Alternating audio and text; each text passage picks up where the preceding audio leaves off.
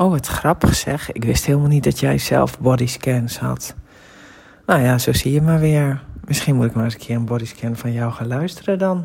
Want uh, ik heb een tijdje zo'n uh, bodyscan nog eens gedaan. In het begin vooral, toen ik uh, in die heftige burn-out zat, heb ik, is dat voor mij een manier geweest waarop ik weer een beetje in contact kon komen met mijn gevoel.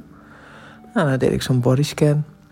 En dat kwam ook in mijn hoofd op toen jij vertelde dat, jij, ja, dat je hoofd dan zo druk is in de nacht. En dan vind ik dat toch wel grappig dat dit dan ook weer gewoon even iets als een soort van herinnering bij jou komt. Weet je, dat is ook wel weer. Jij bent altijd zo hulpzaam naar andere mensen toe. En dan kan mensen van tips voorzien. En ik, ja, ik herken heel erg dat je daar gewoon ook eerlijk in bent. Weet je, dat het geen um, wonderen zijn die voor iedereen kunnen werken. Maar dat het mogelijkheden zijn waar je ja, mee zou kunnen experimenteren. En dat je dan eigenlijk vergeet dat het misschien voor jezelf ook nog wel eens handig zou kunnen zijn. ja, mooi. Leuk dat het zo uh, even weer tot je is gekomen.